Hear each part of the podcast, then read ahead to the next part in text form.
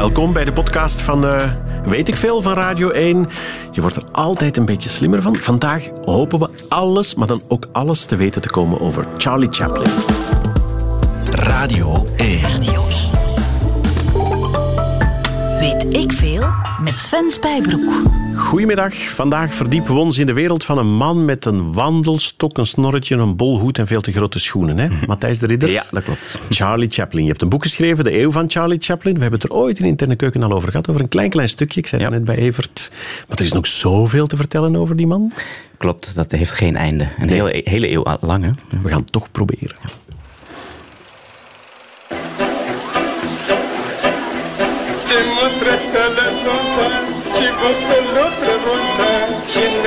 Non resti amore la la la la la la la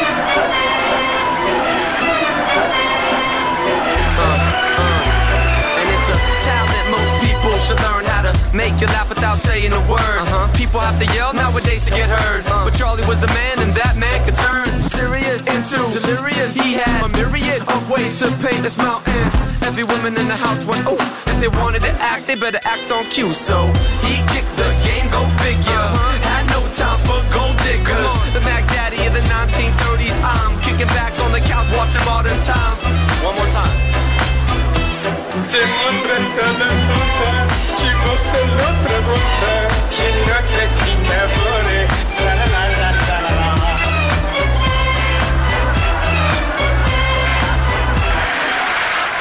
J5 was dat met Modern Times. Het is te zeggen, alles in het Engels, dat was de Amerikaanse rapper J5. En dan was er zo'n soort nonsenstaaltje wat je niet verstond. Dat was Charlie Chaplin zelf, hè? Ja, inderdaad. Uit Modern Times. Helemaal. Uit de film Modern Times. Kan je de scène even beschrijven? Het is helemaal aan het eind van de film. Dus uh, de film gaat over ja, Charlie. Hè, en die probeert uh, aan de bak te komen de hele film lang. In een moderne wereld vol met machines, met fabrieken. Ja. En die machines is eigenlijk heel interessant. Eigenlijk zijn de machines de enige uh, dingen in deze film die praten. Behalve helemaal aan het einde. Dus dat is eigenlijk nog een stille film. Uh, Charlie zegt niks, speelt ook helemaal stil. Het zit op de overgang van de stomme film naar de geluidsfilm. Precies. En dan helemaal aan het einde van de film dan praat hij toch, maar toch ook weer niet, want het is een onzintaal. Dus de scène is, hij zit in een restaurant en hij is aangenomen als entertainer en hij moet de vloer op om een liedje te gaan zingen en hij is zijn tekst kwijt.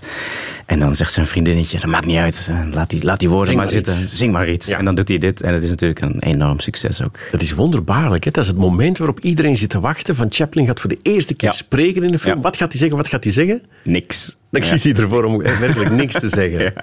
Ja, Modern Times, dat is ook de film uh, met dat iconische beeld, met die Tussen de tandwielen, zo, hè, waar, waar dat arbeidertje Charlie Chaplin dan vermalen wordt. Zeker. Ja. ja. Als we het over Chaplin willen hebben, moeten we toch uh, eerst en vooral hebben over het feit hoe onwaarschijnlijk beroemd hij wel niet ja, was. Daar kunnen we ons helemaal niks meer bij voorstellen. Hij was de eerste grote wereldster. Dus daarvoor waren de mensen wel bekend. Ook filmsterren waren wel redelijk bekend. Uh, maar dat, was toch, dat bleef wel binnen de perken. Eh, Charlie Chaplin was de eerste die echt over de hele wereld miljoenen mensen aan zich heeft gebonden. En die ook, ja, die we vandaag de dag maar al te goed kennen. Uh, mensen die helemaal uit een bol gaan als ze een beroemd persoon zien. En maar dat is de eerste keer dat dat in de geschiedenis gebeurt op zo'n grote schaal. Want daarvoor had je natuurlijk wel mensen die bekend waren in de muziek of in de theaterwereld. Maar je moest altijd maar naar dat ene theater gaan om die mensen te kunnen zien. Maar dat hoefde niet meer. Die film die was overal en iedereen zag precies hetzelfde. Dus of je nu in Parijs woonde of in Berlijn of in Tokio, dat maakte allemaal helemaal niks uit. Je kende precies diezelfde figuur. En dus overal waar Chaplin kwam, had je van die enorm hysterische menigte van mensen die uh, hem ook letterlijk wilden belegeren. Ja. Het was niet alleen, hij was niet heel beroemd. Uh, het heeft ook heel lang geduurd. Hè? Het is niet zomaar ja. tijdelijk. Jouw boek heet niet voor niks. De eeuw van ja. Charlie Chaplin. Nee, het, is, het begint in 1914. Binnen het jaar schrijven tijdschriften al dat hij de beroemdste man ter wereld is. Dus dan zitten we in 1915 en dat duurt tot, ja, tot hij sterft in de jaren 70. En er zijn heel weinig mensen die dat zo lang, niet helemaal een eeuw, maar toch bijna een eeuw volhouden. Ja. Het heeft denk ik alles te maken ook met het feit dat Chaplin niet alleen heel erg grappig was in de film en dat hij dus uh, mensen op die manier kon bezighouden, maar dat hij er altijd voor heeft gezorgd dat hij ook iets te zeggen had. Het was ook iemand die de eeuw becommentarieerde op een manier die heel veel mensen heel erg aangenaam vonden. Je bedoelt te zeggen in interviews en zo, want in het begin op die, in die films was er niks te zeggen, hè? Begin in de film uh, was er, ik bedoel letterlijk. Ja, ik bedoel letterlijk. Ja, ja, dat is een stille film natuurlijk, maar ook daar kun je natuurlijk dingen in zeggen. Hè. Met die pancartes en, het, en de boodschap van het verhaal. Wel ja, precies. Hè. Ja. Dus uh, het gaat altijd over iemand die aan de zelfkant van de samenleving staat, die dus economisch gezien het niet echt voor de wind heeft en toch altijd maar weer in staat is om een bepaalde rol te spelen in de maatschappij. En de ene keer is dat een heel agressieve rol. Hè. De, de vroege Chaplin, dat is eigenlijk een heel agressief mannetje. Dat. Een soort Louis de Funès-achtige ja, dat is iemand die, die, altijd wel uh, reden ziet om uh, boos te zijn op mensen. Maar het grappige is ook dat hij eigenlijk, het, het, karakter heeft eigenlijk geen idee hoe die maatschappij in elkaar zit. Het enige wat hij eigenlijk een beetje snapt is hoe je er ongeveer moet uitzien. Hij heeft alleen geen geld genoeg om een net pak te kopen. Dus hij heeft een pak samengesteld uit allerlei lompen die hij heeft gevonden. En het andere dat hij doorheeft, is dat als je iets fout doet, dan kun je je excuseren. En dat doet hij dus voortdurend. Ja, hij komt van buiten. Doen. Ja, hij komt van buiten naar binnen. Hij doet wat hij wil. En als het niet goed is, dan neemt hij zijn hoed af. Zet zijn hoed weer op en dan heeft hij zich geëxcuseerd. Ja, dus het is, het is, grappig, maar, maar het is ook een beetje de underdog. Het is een beetje sympathiek. Je kan die er als gewone mens zelf in herkennen. Het is niet zo'n hele chique filmster waar je alleen maar kan naar opkijken. Nee, absoluut. Dat, dat is de grote aantrekkingskracht geweest ook van Chaplin uh, heel lang. Op een gegeven moment gaat hij natuurlijk andere rollen spelen. Maar de hele periode dat hij zijn karakter van de zwerver heeft gespeeld hebben heel veel mensen zich in hem, ont, uh, in, in hem herkend. Juist omdat zij ook niks te zeggen hadden. Maar omdat ze ook wel zagen van kijk, als je niks te zeggen hebt, dan kun je dus met een beetje onaangepast gedrag, ja. kun je toch nog wel manifesteren. Zeg maar, waar kwam je vandaan eigenlijk? Want, want die allereerste film, die eerste kans, die moet je krijgen. Hè? Ik neem ja. aan dat hij ook niet vanaf dag één nee. die wandelstok en die bolhoed nee. en dat snorretje had. Hij komt uit Engeland. Hè. We vergeten dat wel eens. Een Amerikaanse filmster geworden natuurlijk, maar hij was een, een Brit van geboorte. Ja, geboren in, geboren in Zuid-Londen in een uh, milieu van uh, vaudeville-artiesten. Dus zijn vader en zijn moeder. Uh, die traden allebei op in het vaudeville-theater, dus het volkstheater. Er waren allebei mensen die grappige liedjes zongen. Dat is, meer, dat is echt de wereld waar Chaplin uit vandaan komt. En als je ook later in zijn oeuvre gaat kijken, dan zitten er altijd wel van dat soort liedjes nog steeds ook in. -hmm. En Chaplin heeft op heel vroege leeftijd heeft hij al zijn eerste podiumervaring. Als, als je hem mag geloven, dan is dat zelfs al op vijfjarige leeftijd. Dan wordt hij op een gegeven moment het podium opgeduwd door zijn moeder, omdat zij even niet meer uit de woorden komt. En dan zingt hij een liedje. En dat, dat gaat door. Vanaf zijn achtste jaar is hij uh, lid van een, een groep uh, jonge artiesten die ook al door Engeland trekt. En dan als het 1910 is, uh, gaat hij met een groep, dat die heette de Carno Comedians, uh, gaat hij een tour doen door de Verenigde Staten, ook weer in het vaudeville circuit. En daar blijft hij eigenlijk hangen. Daar wordt hij ontdekt. Hij, is, uh, hij speelt een dronkenlap en dat doet hij zo goed. Dat, dat is een soort van tournee. En hij komt daar twee, drie keer langs de meeste theaters. En iedere keer als ze weer terug zijn, dan zitten mensen al te wachten op het moment dat ja, Charlie Chaplin weer terug is. Maar hij speelt dan nog een andere rol. Hij speelt de rol van, rol van Archibald Binks. En Archibald Binks is eigenlijk een verlepte Engelse lord. Uh, die een beetje te diep in het glaasje heeft gekeken meestal. En in welke situatie ze hem ook maar uh, uh, laten verkeren op het toneel. Hij schopt altijd alles in het honderd. Dus daar zie je eigenlijk al het begin van het karakter. Ja, een beetje slapsteek, ja. onhandig, over de voeten struikelend. Ja. Dat soort dingen. Inderdaad. Ja. Tot op een dag iemand zegt van, met die man moeten we een film maken? Ja, ongeveer. Het is ook niet helemaal duidelijk wie dat is geweest. Maar er heeft ooit een keer iemand van de film filmorganisatie uh, Keystone heeft in het publiek gezeten. En die hebben via via laten weten dat ze wel iets zagen in Chaplin, hem uitgenodigd. En die, hebben, zijn zich rot geschrokken, want toen Chaplin binnenkwam, die leek voor geen meter op hoe hij eruit zag op het toneel. Dus hij was een heel overtuigende, wat oudere dronkenlap. En daar kwam een hele frisse, jonge acteur binnen. Toen hebben ze nog heel even getwijfeld, maar na een aantal films zagen ze dat hij dat ook op uh, film heel goed kon doen. ja. Ja, als historicus, wat, wat was de aller, allereerste Chaplin De aller, allereerste film is Making a Living. Als u dat nog nooit heeft gezien, sla hem over. Oké. En dat is ook een film waar hij zelf heel weinig over te zeggen heeft ge gehad. Hij moest daar een, uh, ja, een gemeen mannetje spelen met een hoge hoed en een hangsnor en een monocle. En het slaat allemaal ergens op. Ja. Uh, maar de eerste echte film waarin hij die, die zijn karakter speelt, dat is um, uh, Kid Auto Races at Venice. Het gaat over een zeepkistenrace. En daarin zie je voor het eerst de zwerver optreden. En het interessante is dat het meteen in die eerste film eigenlijk raak is. Het, gaat, het is eigenlijk heel simpel. Dat is het mannetje in het kostuum ja, met het de bolhoed. Met de bolhoed, met de stok, de, gro ja. te grote broek, de te grote schoenen. Dat, dat, dat karakter staat daar al. En het interessante is dat hij ook meteen alle karaktertrekken heeft die hij decennia lang uh, uh, bij zich zal houden. Dus het is iemand die geen idee heeft waar die in, in welke wereld hij geworpen is, maar die wel heel erg slim kijkt naar hoe die wereld in elkaar zit. Want hij ziet, als je iets wil voorstellen in de 20e eeuw, dan zal je het oog van de camera moeten zien te vangen. En dat doet hij dan ook. Hij loopt namelijk voortdurend in het shot. En er is een nieuwscrew en die is aan het proberen om daar een, een item van te maken voor een nieuwsuitzending van die zeepkisten. Mhm. Maar ze krijgen eigenlijk geen kans, want Charlie staat de hele tijd voor de lens. Loopt voortdurend in beeld. Ja.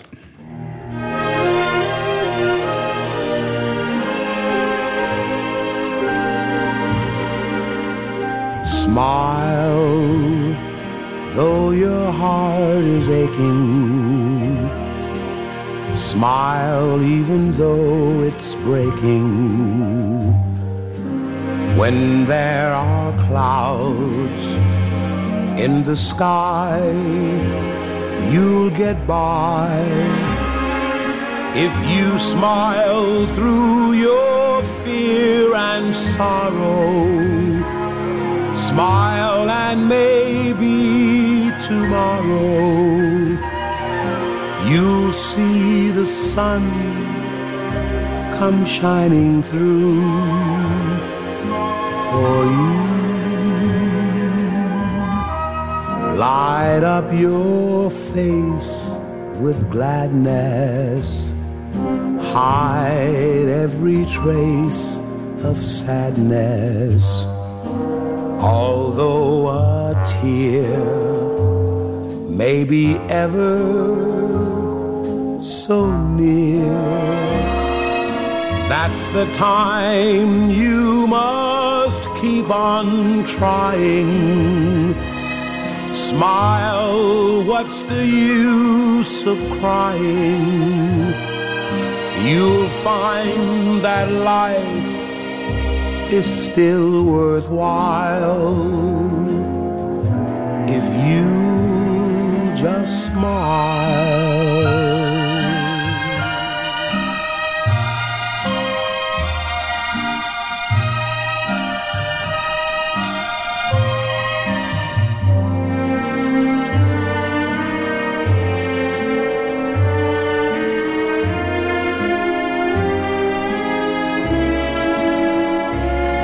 The time you must keep on trying.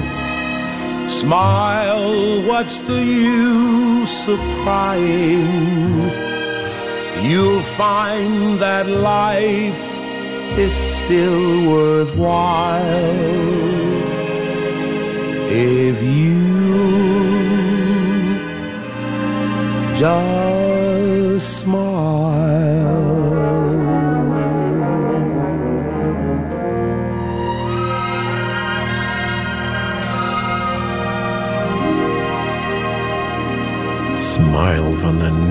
King Cole. Eigenlijk ook van Chaplin, hè? Ja, de melodie is van Chaplin. Het is een melodietje uit uh, Modern Times weer.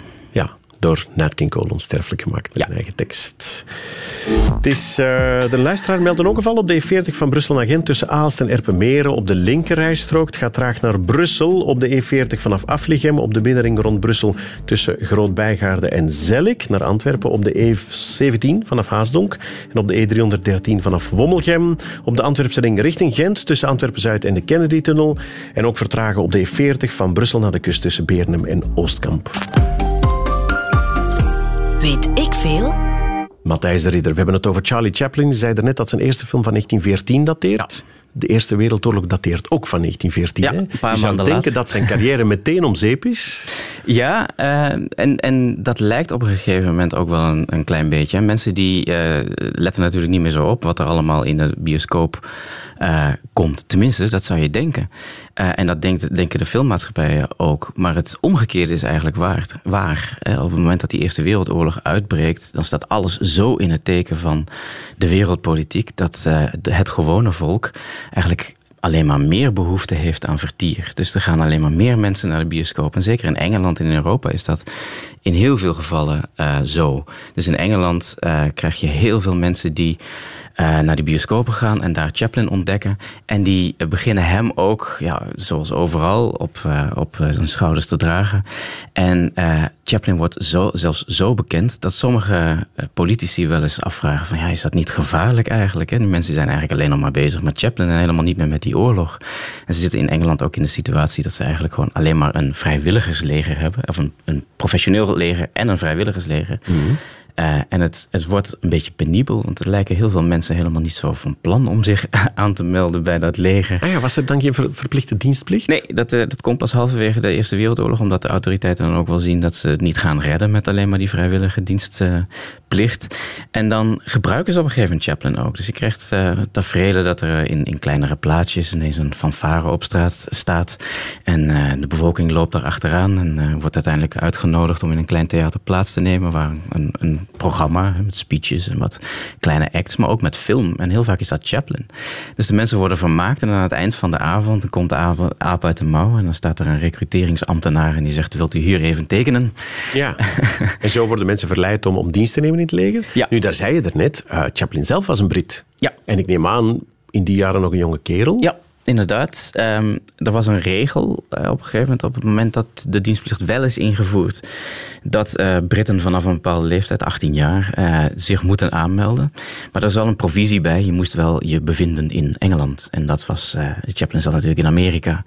Niettemin komt daar enorm veel ophef over, ook al omdat op een gegeven moment een nieuw contract met een nieuwe filmstudio uitlekt. En daar staat een kleine uh, aantekening in dat zolang uh, dat contract loopt, mag Chaplin Amerika niet uit. En dat is natuurlijk tegen het zere been van iedereen die net zijn zoon uh, naar het leger ja, heeft gestuurd. Precies. Want, Gaat Chaplin, die Chaplin daar in Hollywood een beetje veel geld verdienen? In, inderdaad, ja. In plaats en, van zijn dienstplicht te ja, doen. En dan krijg je dus allemaal campagnes uh, die erop gebrand zijn om ja, Chaplin in ieder geval te beschadigen. Dus Chaplin uh, wordt uitgemaakt voor een slacker. En een slacker is eigenlijk iemand die de kantjes ervan afloopt. En als je nog verder zou uh, drijven, dan is het eigenlijk een, uh, een dienstweigeraar. En daar hadden ze in Engeland hadden ze daar een, een symbool voor. Als je iemand wilde beschuldigen daarvan, dan stuurde je hem via de post een witte veer. En in de loop van 1916, 1917 uh, begon Chaplin, Heeft Chaplin dus, ganse, ganse kippen bij elkaar ja, gekregen via de post? Ga, ganse ganzen zou ik zeggen. Ja. Die uh, inderdaad uh, enorm veel witte veren. En er begonnen ook liedjes gemaakt te worden waarin, stond, waarin gezongen werd dat Chaplin toch maar gauw moest worden opgehaald en naar de Dardanellen moest worden gestuurd. En waarop op dat moment het En wat heeft hij daar zelf over gezegd? Want het is natuurlijk wel een publiek figuur hè, ja. op dat moment. Hij heeft op een gegeven moment heel strategisch geantwoord op een een uh, brief van het regiment waar hij zelf ingediend zou hebben als hij in Engeland gebleven zou zijn. Dus hij was een Londenaar en een van die Londense regimenten vroeg hem heel vriendelijk van meneer Chaplin, zou u eigenlijk niet hier moeten zijn? En Chaplin antwoordt dan, wel, ja, maar niet iedereen is in de omstandigheid om daar te zijn. Maar iedereen moet wel zijn steentje bijdragen. En als ik jullie moraal uh, kan hè, opkalefateren na een lange dag vechten met mijn films, dan is dat mijn bijdrage. En het grappige is dat die soldaten die zijn daar helemaal mee akkoord. Want die weten wat het effect is van die films aan het front. De autoriteiten die zijn er natuurlijk helemaal niet zo van gediend. Ja, hè? Want het is een heel gemakkelijke manier om er vanaf te komen. Liever een leuke film dan zo'n filmster die mee in de loopgraaf zit. Ja, maar je kunt je natuurlijk wel afvragen wat, wat voor goed hij zou hebben kunnen doen aan dat front. Hè? Hij zou misschien binnen een dag of een week het loodje hebben gelegd en dan waren die films er niet meer. Ja, je kan het natuurlijk niet over Chaplin en oorlog hebben zonder het over The Great Dictator te hebben. Nee, dan zitten we een oorlog verderop. Ja, dat is een soort, soort Hitler-parodie, zeg ja. maar. Een soort dictator. Uh, Hinkel heet die zeker, ja. van Heil Hinkel. Adenoid, Adenoid Hinkel heet uh, ja, de, de, Een soort fantasieland waar hij als een soort gekke ja. dictator leeft. Inderdaad. En, uh, en Chaplin maakt die film in uh, ja, 38, 39, 40. Die film komt uit vlak na de invasie van een groot deel van West-Europa, dus ook van België. Op een moment dat Chaplin zelf eigenlijk een beetje schrikt en denkt van ja, dit is echt niet leuk meer. Maar wat het, het interessante en het, het geniale aan die film is, dat wat eigenlijk nog een beetje onder de pet wordt gehouden en, en waar heel veel mensen nog niet aan willen, namelijk dat de inzet van de Tweede Wereldoorlog de uitroeiing van het Joodse volk is. Dat zit heel erg centraal in die film van Chaplin. Dus heel veel mensen die tegen zijn film zijn, die zijn ook om die reden tegen die film. Want ze denken dat Chaplin eigenlijk ja, een, een conclusie heeft getrokken die veel te ver voert. Het zal Op dat meevallen. moment. Op dat moment. Ondertussen ja. weten we dat hij, dat hij visionair was wat dat betreft. Ondertussen weten we dat hij het helemaal bij het rechte eind heeft. En dat, dat hij ook een aantal eh, machinaties van het denken van de, van de nazi's eigenlijk heel goed in de gaten had. Ja, het leuke wat hij doet is natuurlijk ermee lachen. Ja. Dat is een, een geweldig wapen. Het allerstrafste van die film is, is helemaal het einde. Hè? Ja, dus eh, ja, we hadden het net over het begin van de geluidsfilm. Dit is natuurlijk een echte geluidsfilm. Eh, er zit nog wel een soort van hint van het oude karakter in. Ehm, maar ja, het is toch een ander soort van personage. Hij praat. eh, Hinkel praat. Het is een echte talkie, zoals dat toen heette. Er wordt heel veel in gepalaverd. En Chaplin blijkt dat dus ook gewoon te kunnen. Hij blijkt een film te kunnen schrijven waarin eh, eh, betekenisvolle dialogen zijn opgenomen. En helemaal aan het eind neemt hij dus inderdaad zo'n speech op. Waarin hij ja, even orde op zaken stelt. Hij laat zien hoe hij tegen de wereldpolitiek aankijkt. En zeker tegen oorlogsvoering aankijkt. Wacht, en wie is hij? Is dat Henkel of is dat Chaplin? Ja, daar, Want dat is wel... Sowieso is er een, is een dubbelgangersmotief in, het, in de film. Dus hij speelt twee rollen. Hij speelt de rol van een kapper en de rol van Hinkel. En die lijken nogal op elkaar. En op een gegeven moment worden die twee verwisseld. Dus het is sowieso de kapper die aan het eind spreekt. Maar zelfs Precies. dat is een beetje de vraag. Want het zou natuurlijk ook wel eens gewoon Chaplin zelf kunnen zijn. Er die staat zijn dus een man die er zowel als de dictator als de kapper Ja. uitziet, maar wel in uniform. Wel in uniform. Hè, De vraag is, Ja. is de kapper in de uniform van de dictator? Ja. Voor een zee van, van, van soldaten en mensen in publiek, zo Hit- Hitleriaanse Ja, toestanden. hè? inderdaad. Ook met stock footage. Hè. Dat zijn echt van beelden van, van, die, van die grote landdagen. Echte beelden, ja, Echte van, beelden. Van, van de nazi's. Ja, Ja, van de nazi's inderdaad. Maar met dus die Chaplin, Hinkel slash de kapper Inderdaad. op het podium. En dan doet hij iets ja, heel, heel, heel erg atypisch. Hè? Dan zegt, dan zegt hij wonderlijke dingen, je moet ze horen. Soldiers, don't give yourselves to brutes. Men who despise you, enslave you, who regiment your lives, tell you what to do, what to think, and what to feel, who drill you, diet you, treat you like cattle, use you as cannon fodder. Don't give yourselves to these unnatural men, machine men with machine minds and machine hearts. You are not machines. You are not cattle. You are men. You have the love of humanity in your hearts. You don't hate, only the unloved hate, the unloved and the unnatural. Soldiers, don't fight for slavery, fight for liberty. In the 17th chapter of St. Luke it is written, the kingdom of God is within man, not one man nor a group of men, but in all men, in you. You, the people, have the power. The power to create machines, the power to create happiness. You, the people, have the power to make this life free and beautiful, to make this life a wonderful adventure. Then in the name of democracy, let us use that power. Let us all unite. Let us fight for a new world, a decent world that will give men a chance to work, that will give youth a future and old age a security. By the promise of these things, brutes have risen to power, but they lie. They do not fulfill that promise. They never will. Dictators free themselves, but they enslave the people. Now let us fight to fulfill that promise. Let us fight to free the world, to do away with national barriers, to do away with greed, with hate and intolerance. Let us fight for a world of reason, a world where science and progress will lead to all men's happiness. Soldiers, in the name of democracy, let us all unite! Radio 1. Weet ik veel? Wat een hartstochtelijk pleidooi voor democratie door die dictator. Ongelooflijk, hè? Ja. Dat is ook het moment dat natuurlijk in die film ineens iedereen tot inzicht komt en dan breekt de zon door. En het is allemaal net iets te romantisch natuurlijk. Maar het is ook voor de kijkers heel vreemd. Hè? Je bent je hebt Chaplin gewend, die doet zotte kuren. Je hebt ook, ook die, dat spelletje met die, die wereldbal, hè, die dan een Ja. ballon blijkt te zijn Ja, waar hij ja. mee speelt. Dansje doet, heel lachen, lachen, lachen. lachen. En plots, bloedserieus. En eh, als je dan ook de kritieken gaat le- lezen, eh, daags na de première in New York, dan eh, is, ik geloof op één criticus na, is iedereen daar ook echt verbolgen over. En wat doet Chaplin nu? Het is al entertainment, dan gaat hij ons toch niet de les lezen. En het is ook nog veel te zoetsappig voor sommige critici. En er gaan dan ook nog geruchten dat Chaplin heel even het idee heeft om die, die speech dan maar uit de film te schrappen. Totdat hij eh, de inkomsten van de eerste paar dagen ziet. En dan denkt hij, nee, nee, het is wel goed. En de mensen die slikken dit. En eh, het is natuurlijk ook het de beroemdste speech uit de filmsgeschiedenis geworden. Het eh, wordt nog heel vaak herhaald. Heel veel mensen die komen daarop terug. Het is natuurlijk ook een, ja, een, een heel mooi denkbeeld. Hè? Als wij, het volk, als wij nu met ons allen beslissen om geen oorlog te voeren, dan komt er geen oorlog. Ja, breng daar maar eens iets tegenin. Ja, Is dat de acteur Charlie Chaplin die dit speelt? Of was het ook een goede speecher in het echt? Uh, nee, eigenlijk niet. Eh, hij was een hele slechte publieke spreker eigenlijk.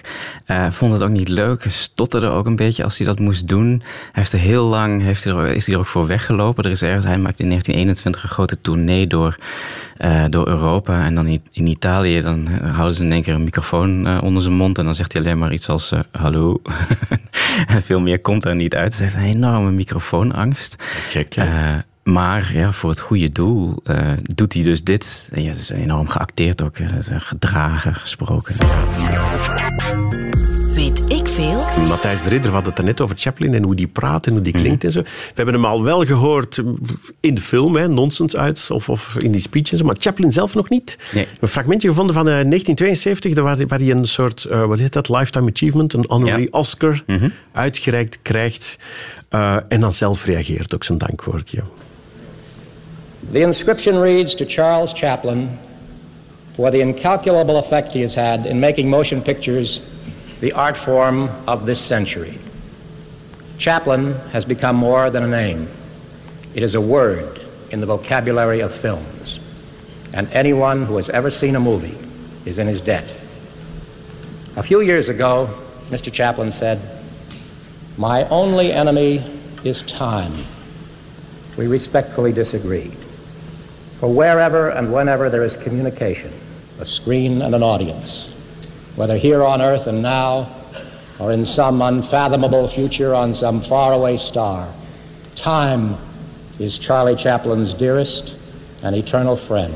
Oh, Thank you so much. This is an emotional moment for me. And words seem so futile, so feeble. I can only say that thank you for the honor of, of inviting me here. And oh, you're wonderful, sweet people. Thank you. Wat een verlegen, Ja. rustige, brave man. Ja, hier spelen heel veel dingen. Hij is ten eerste 83 jaar oud. Oké. En hij is ook al 20 jaar niet meer in de Verenigde Staten geweest. Is de eerste keer dat hij terug is nadat hij in de vroege jaren 50 eigenlijk min of meer verbannen is. Omdat ze dachten dat hij een communist was. Dus eh, ja, hij heeft een heel, heel slecht afscheid gehad van het land dat hem zoveel heeft gebracht, gebracht. En andersom ook, dat hij ook zoveel heeft gebracht. En hij wordt dan teruggevraagd om die eer in ontvangst te nemen. En dat is een, een moment waarop heel veel emoties door gaan. Aan de ene kant is hij er nog steeds niet overheen dat ze ooit hebben weggestuurd. Aan de andere kant is hij heel, heel, heel, heel erg blij dat hij toch terug, terug mocht komen. Ja. En dan hier, we hoorden het begin van het applaus. Dat applaus duurt een kwartier.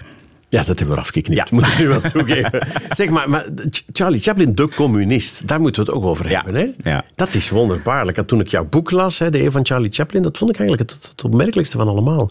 Op een bepaald moment op een, krijgt hij in een interview de vraag, meneer Chaplin, bent u een bolsjevik? Ja, het is in Het feit alleen al dat ze die vraag stellen. Ja, en het gaat nog veel, veel verder. Het is in 1921, hij heeft dan net de kid gemaakt. En hij, eh, is toe aan een vakantie, dus hij gaat zes maanden, of langer nog, gaat hij eh, reizen door Europa. En het is ongeveer de eer- het eerste wat eh, men hem vraagt. Hij komt aan in, eh, in Londen en vervolgens in Parijs gebeurt hetzelfde. Dus al die journalisten die willen maar één ding weten. Bent u een bolsjeviek? Maar waar halen ze dat vandaan? Wel, hij had een beetje de reputatie en dat lag ook aan eh, de vrienden die hij had. Een van zijn goede vrienden in Amerika was bijvoorbeeld Max Eastman. En dat was gewoon iemand die was lid van de Amerikaanse Communistische Partij. En eh, Chaplin had ook wel sympathieën in die richting. Maar Chaplin is een eigen gerijde mens en een eigen gerijde denker. Dus hij had wel een aantal ideeën uit dat communisme, of laten we het toch eerder socialisme noemen. Dus hij had wel het idee dat hè, het allemaal wel wat socialer kon. Hij kon het ook moeilijk verkroppen dat er nog heel veel mensen in armoede leefden. En dat mocht allemaal wel wat beter geregeld worden van hem. Maar om, dat, om hem er nu van te eh, verdenken dat hij ook maar één letter Marx heeft gelezen, dat denk ik niet. Ja, maar het is wel opmerkelijk dat hij politiek actief was. Hè? Ja. Niet in een partij of zo, maar, maar alle Nee. invloed die hij achter de schermen kon gebruiken Ja, om de wereld te verbeteren. Echt. ja inderdaad. Dat deed hij ook, hè? Hij, dat deed hij. Hij werd natuurlijk ook heel vaak gevraagd. Aan het eind van de Eerste Wereldoorlog heeft hij bijvoorbeeld eh, geld opgehaald bij de mensen om uh, de oorlog uh, voor Amerika beter te kunnen blijven financieren. Um, maar het is ook iemand geweest die langzamerhand inderdaad een bepaalde ideologie is gaan aanhangen. En ook altijd wel mensen is gaan opzoeken in een bepaalde afdeling van, die hele, van dat hele politieke spectrum. En dat waren toch altijd wel, ja, in ieder geval salonsocialisten. En in sommige gevallen ging dat wel wat verder. Want in 1947 is hij ook weer van plan om het land te verlaten. Dan moet hij uh, aan de Amerikaanse autoriteiten vragen of hij ook alsjeblieft weer terug mag komen. Want hij is nog steeds Brits staatsburger, dus dat moest iedere keer weer opnieuw geregeld worden. En dan wordt hij onderworpen aan een enorm diepgravend interview. Dus dat duurt uren en uren, waarin hij ook de hele tijd dat soort vragen moet beantwoorden. We hebben gehoord dat u aanwezig was op dat feestje waar ook deze vakbondsmensen waren. Wat zegt u daarop? En dan zegt hij, ja, ja die waren er en, en, en wat dan nog? Uh, en dat gaat zo maar door. En het interessante is, de FBI, dat is uiteindelijk de organisatie die dat uh, uh, onderzoekt, heeft niks. Uh, ze, hebben absoluut... ze kunnen hem strikt genomen niks verwijten. Nee, ze, hebben absoluut niks. Maar ook in dat interview blijkt wel dat Chaplin um, net iets dieper in de gedachtenwereld van de communisten zit dan dat hij naar buiten toe kan wil toegeven. Dus hij zegt bijvoorbeeld op een gegeven moment in dat interview: ja, ik zie nog steeds niet wat de Sovjets uh, fout zouden hebben gedaan. En dan zitten we in 1947 en dan hebben ze echt al heel veel fout gedaan. Ja. Uh, dus, en dat is, dat is natuurlijk gewoon ja, praat die je alleen maar oppikt bij partijbijeenkomsten of van mensen die echt heel erg diep in de partij zitten. Ja, dat is in volle koude oorlog dat hij de verkeerde kant kiest. Ja, ja dat, dat kun je inderdaad wel zeggen. Het is, het is, wat hem betreft is het een overblijfsel van de, van de Tweede Wereldoorlog. In de Tweede Wereldoorlog denkt hij eigenlijk heel erg logisch en heel erg simpel. Uh, hij denkt dan, uh, we hebben een bondgenootschap met de Sovjet-Unie. Die mensen die zijn wel voor ons aan het vechten. Dat was op het moment dat Amerika nog niet uh, naar Europa was gegaan om mee te vechten. Die zijn voor ons aan het sterven op het slagveld tegen de nazi's. Dan kunnen we maar één ding doen. We moeten ook bondgenoot zijn op alle vlakken. En dan kunnen we niet tegelijkertijd heel veel vragen stellen over het communisme en over dat politieke systeem daar. Nu, dat is op zich nog niet zo gek gedacht, maar hij drijft dat heel erg ver. Um, denk dat ze hem uh, uh, terecht in een bepaalde politieke hoek zetten. Maar dat is nog iets anders dan actief lid van de communistische partij zijn. Uh, wat ook nog niet zo'n heel groot probleem zou moeten zijn. Maar dat het wordt natuurlijk wel een heel groot probleem in de vroege jaren 50 in de, in de Verenigde Staten. Want dan krijg je die communistenjachten. Ja, dan wordt het echt moeilijk. Zeg ja. maar, als hij dan twintig jaar lang van huis is geweest, de Verenigde Staten niet meer is binnengekomen, was het van niet willen of niet mogen? Um, ja, dat, dat, ligt een beetje moeilijk. Hij is nooit echt het land uitgezet. Maar op het moment dat hij in 1952 in uh, Europa zijn film Limelight gaat promoten, dan krijgt hij, uh, op het moment dat hij op de boot zit, krijgt hij een telegram waarin staat dat als hij terug zou komen, dat hij weer aan een heel uh, moeilijk proces zal worden onderworpen om te kijken of hij weer terug zou mogen. En dan neemt hij gewoon de beslissing om het niet meer te doen. Hij blijft in, in Europa. En dat weet hij eigenlijk al heel snel. Ja. Op een gegeven moment dan is het ook een mooie anekdote dat hij uh, gaat dan uh, uh, dineren met Sartre, Picasso en Louis Aragon. Dat zijn ook allemaal mensen die aan, het link, aan de linkerkant van het politieke spectrum moeten worden gesitueerd. En dan zegt een van zijn medewerkers, is dat nu wel zo slim? En dan zegt Chaplin, ah, maakt niet uit joh. Straks komt Stalin ook nog even langs. En dan wordt het pas echt gezellig. Ja, dat, dat die, die Fransen, die surrealisten en, en symbolisten en zo. Dat is wel heel wonderlijk, hè? Dat in dat, dat ja. arty, ja. intellectuele wereldje, waarvan je zou denken, die kijken neer op, op, op ja. Hollywood entertainment. Ja, helemaal bijzonder niet. goed ligt, vlak, hè? Vlak na de Eerste Wereldoorlog krijg je natuurlijk die hele beweging uh, van de kunstvernieuwing. En mensen die uh, ook op zoek gaan letterlijk naar andere manieren om de wereld vorm te geven. En dat is op alle vlakken zo. Hè? Dus uh, op het vlak van beeld, maar ook op het vlak van ideeën. En uh, ja, als ze één voorbeeld konden aanwijzen in de populaire cultuur van iemand die het totaal anders doet, die het ook totaal anders bewogen, die een totaal andere instelling had, dan was het Chaplin. Dus hey, eigenlijk zijn alle avant-gardisten enorme grote fans van Chaplin. Weet ik veel?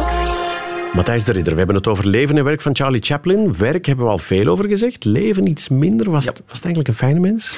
Dat weet ik niet helemaal. Ik denk dat hij uh, enorm charmant kon zijn op feestjes en dat soort dingen. Ik denk niet dat je hem heel graag als vader zou hebben gehad. Hij had trouwens heel veel kinderen, acht kinderen uiteindelijk. Ja, ik, uh, ik heb ook ooit ergens opgevangen of onthouden dat hij uh, veel vrouwen heeft gehad, vaak is getrouwd geweest. Ja. En heel jonge vrouwen ook. Ja. O op het randje van het legale af? Ja, en, en in één geval ook gewoon over het randje. zijn tweede vrouw, Lita Gray. Ehm, ze hebben altijd beweerd dat zij 16 was op het moment dat zij trouwden. En dat was ze nog niet. Uh, Oké, okay, dus we moeten een hoofdstuk Charlie Chaplin, de pedofiel, ook uh, ja, ja, beginnen? Ja. Of? Ik denk dat dat de wettelijke term is, inderdaad. Ja, en het zou heel flauw zijn om te zeggen dat het een andere tijd was. Maar dat is inderdaad een heel problematisch hoofdstuk in, in, zijn, uh, in zijn biografie. Um, het is wel zo dat, dat eigenlijk twee keer Um, er ook vanuit de kant van, uh, van de dames uh, er enorm veel druk op hem is uitgeoefend om met hen te trouwen. Dus hij was een enorm gegeerde vrijgezel natuurlijk. Dus ze wilden ook heel erg graag met hem trouwen. Ja, maar het feit dat, hij, dat hij dan met zo'n ja, jonge vrouwen trouwde, lag dat toen ook al gevoelig? Of? Ja, absoluut. Ja. ja ze, hebben het, ze hebben het stil proberen te houden. Um, uiteindelijk uh, schrijft Chaplin daar ook heel weinig over in zijn autobiografie. Dus hij wist ook wel dat daar echt een probleem zat. En uh, het is ook twee keer valikant misgelopen. Dus na, na een jaar of twee in beide gevallen. Um, is dat op een verschrikkelijke scheiding uitgedraaid. En in, in beide gevallen hebben ook de families van uh, die vrouwen hebben via advocaten beslag uh, proberen te leggen op films. Dus het heeft maar een haartje geschild of The Kid en The Circus, die waren er nooit geweest. Omdat Chaplin zo'n enorme ja, rotzooi maakte van zijn privéleven. Was het dan omdat het een onaangename mens was? Of? Wel, ja, hij voelde zich heel duidelijk aangetrokken tot, uh, tot jonge vrouwen. Uh, maar was een enorme workaholic. Dus op het moment dat hij ze dan uh, had veroverd had. Ja, en had getrouwd. En meestal was dat trouwen ook nog een resultaat van het feit dat de meisjes zwanger waren. Um, ja, dan verdween hij toch weer voor jaren in de studio om allerlei films te maken. Dus heel vaak uh, kregen ze hem dan ook weer niet te zien. Dus de, ze hadden ook wel iets anders voorgesteld van het huwelijk met Chaplin. En dan daar beginnen natuurlijk uh, ja, de grote problemen. Ja. Als hij dan in Europa is gebleven en in uh, Zwitserland is gaan wonen en zo. Heeft dat daarmee te maken ook? Dat hij ook om die reden niet alleen ja, communistentoestanden? Ja, ze proberen op een gegeven moment van alles om het land uit te zetten. En dan er speelt tijdens de Tweede Wereldoorlog speelt er nog een, een kwestie met een actrice, Joan Barry genaamd. En die actrice, uh, die is niet te jong, maar die is wel een beetje gek. dus die zou ook heel graag mevrouw Chaplin worden. En Chaplin, ja, die heeft een tijdje een, een affaire met haar gehad, maar die heeft verder niet echt intenties om dat uh, tot iets meer te laten uitgroeien. En uh, zij zegt op een gegeven moment zwanger te zijn van hem, maar dat klopt dan weer niet. En er is in Amerika een hele rare wet dat als je met een vrouw een staatsgrens overschrijdt, en je hebt uh, buitenechtelijke relatie met die vrouw, dan staat het gelijk aan slavenhandel. En om die reden hebben ze hem ook proberen aan te. Ah ja, als, als mensenhandelaar. Als mensenhandelaar, ja, inderdaad. Ja. ja. Dus dat is allemaal niet gelukt, want dat klopte ook gewoon niet. Uh, maar dat zijn allemaal zaken die in dat hele dikke dossier dat de FBI heeft samengesteld allemaal te sprake komen. Ja, hij heeft een rustige oude dag gehad. ja, dat zeker. Ja, ja. ja. Met zijn, zijn laatste vrouw, Una, die ook jong was toen hij met haar trouwde. Uh, 18 in dat geval. Uh, maar dat hebben ze wel heel lang volgehouden. Dus uh, blijkbaar een heel gelukkig huwelijk geweest. En, ja. ja. De ellende is pas begonnen op het moment dat hij gestorven is. Hè? Ja, inderdaad. Want dan kwam het bericht. Hè, was een hele mooie plek. Ja, een klein begraafplaatsje neergelegd. En op een gegeven moment kwam het, het bericht dat zijn graf was leeggeroofd. En uh, ja, ze hebben heel lang hebben ze erover gedaan om uit, uit te vogelen wie dat heeft gedaan. Allerlei theorieën. Het zouden communisten zijn. Nee, het zouden uh, nog neonazies zijn. Of alle. Nou, ze hebben de gekste theorieën gehad. Uiteindelijk bleken het twee automechaniekers te zijn. Die uh, gedacht hadden van dit is nog eens een gemakkelijke manier om aan geld te komen. Ja, we graven de kist op. op. Precies. We vragen een aantal honderdduizenden Zwitserse frank. En uh, we kunnen zo onze oude dag financieren. Nu, dat waren uh, niet zulke hele gewiekste misdadigers. Want op een gegeven moment zijn ze heel lui geworden. En zijn ze gewoon altijd vanuit dezelfde telefooncel gaan bellen. En op een gegeven moment stond daar oom-agent achter hen. En die hebben ze, zijn ze gepakt. gepakt. Ja. ja. Maar dus nu ligt hij terug begraven ja. op dezelfde plek. Maar wel in beton gegoten. Gigantisch veel ja. beton. Radio 1. Weet ik veel? Een uur lang gepraat met Matthijs de Ridder over Charlie Chaplin. Uh, wat moet ik nu onthouden van Charlie Chaplin? Kort samengevat, wat bij mij blijft plakken is... Charlie Chaplin was uh, een communist of bolsjewiek, een pedofiel en zijn lijk is gestolen. Ja, als dat het conclusie is van het uur, dan hebben we het heel slecht gedaan. Nu heb jij nog 50 seconden, Matthijs. oh, wat komt er bovendrijven uit jouw grote dikke boek? Ja, volgens mij van is Charlie het, Chaplin? Het, het, is, uh, het is iemand die heel veel dingen heeft uitgevonden. Beroemd zijn, sterrendom heeft hij uitgevonden. Het is iemand die decennia lang uh, fans aan zich heeft weten te binden. Vooral omdat hij heel erg grappig was, maar ook omdat hij echt iets te zeggen had over de wereld om hem heen. En ik denk dat hij heel bijzonder is, omdat hij een meester was in de stille film en dat hij ook nog geweldige gesproken films heeft gemaakt. Heel lang, heel beroemd en heel terecht. Absoluut. Dat zijn ook drie dingen, hè? Goed, hè? Fantastisch, ja. hoe, hoe dik is je boek? 592 pagina's. Voilà, en ze zijn allemaal interessant. Behalve de voetnoten hier en daar, maar voor de rest... Matthijs de Ridder, dank je wel. Radio 1. Weet ik veel? Dit was Weet ik veel, de podcast. Een aflevering tussen de vele. Je vindt ze allemaal terug op radio1.be.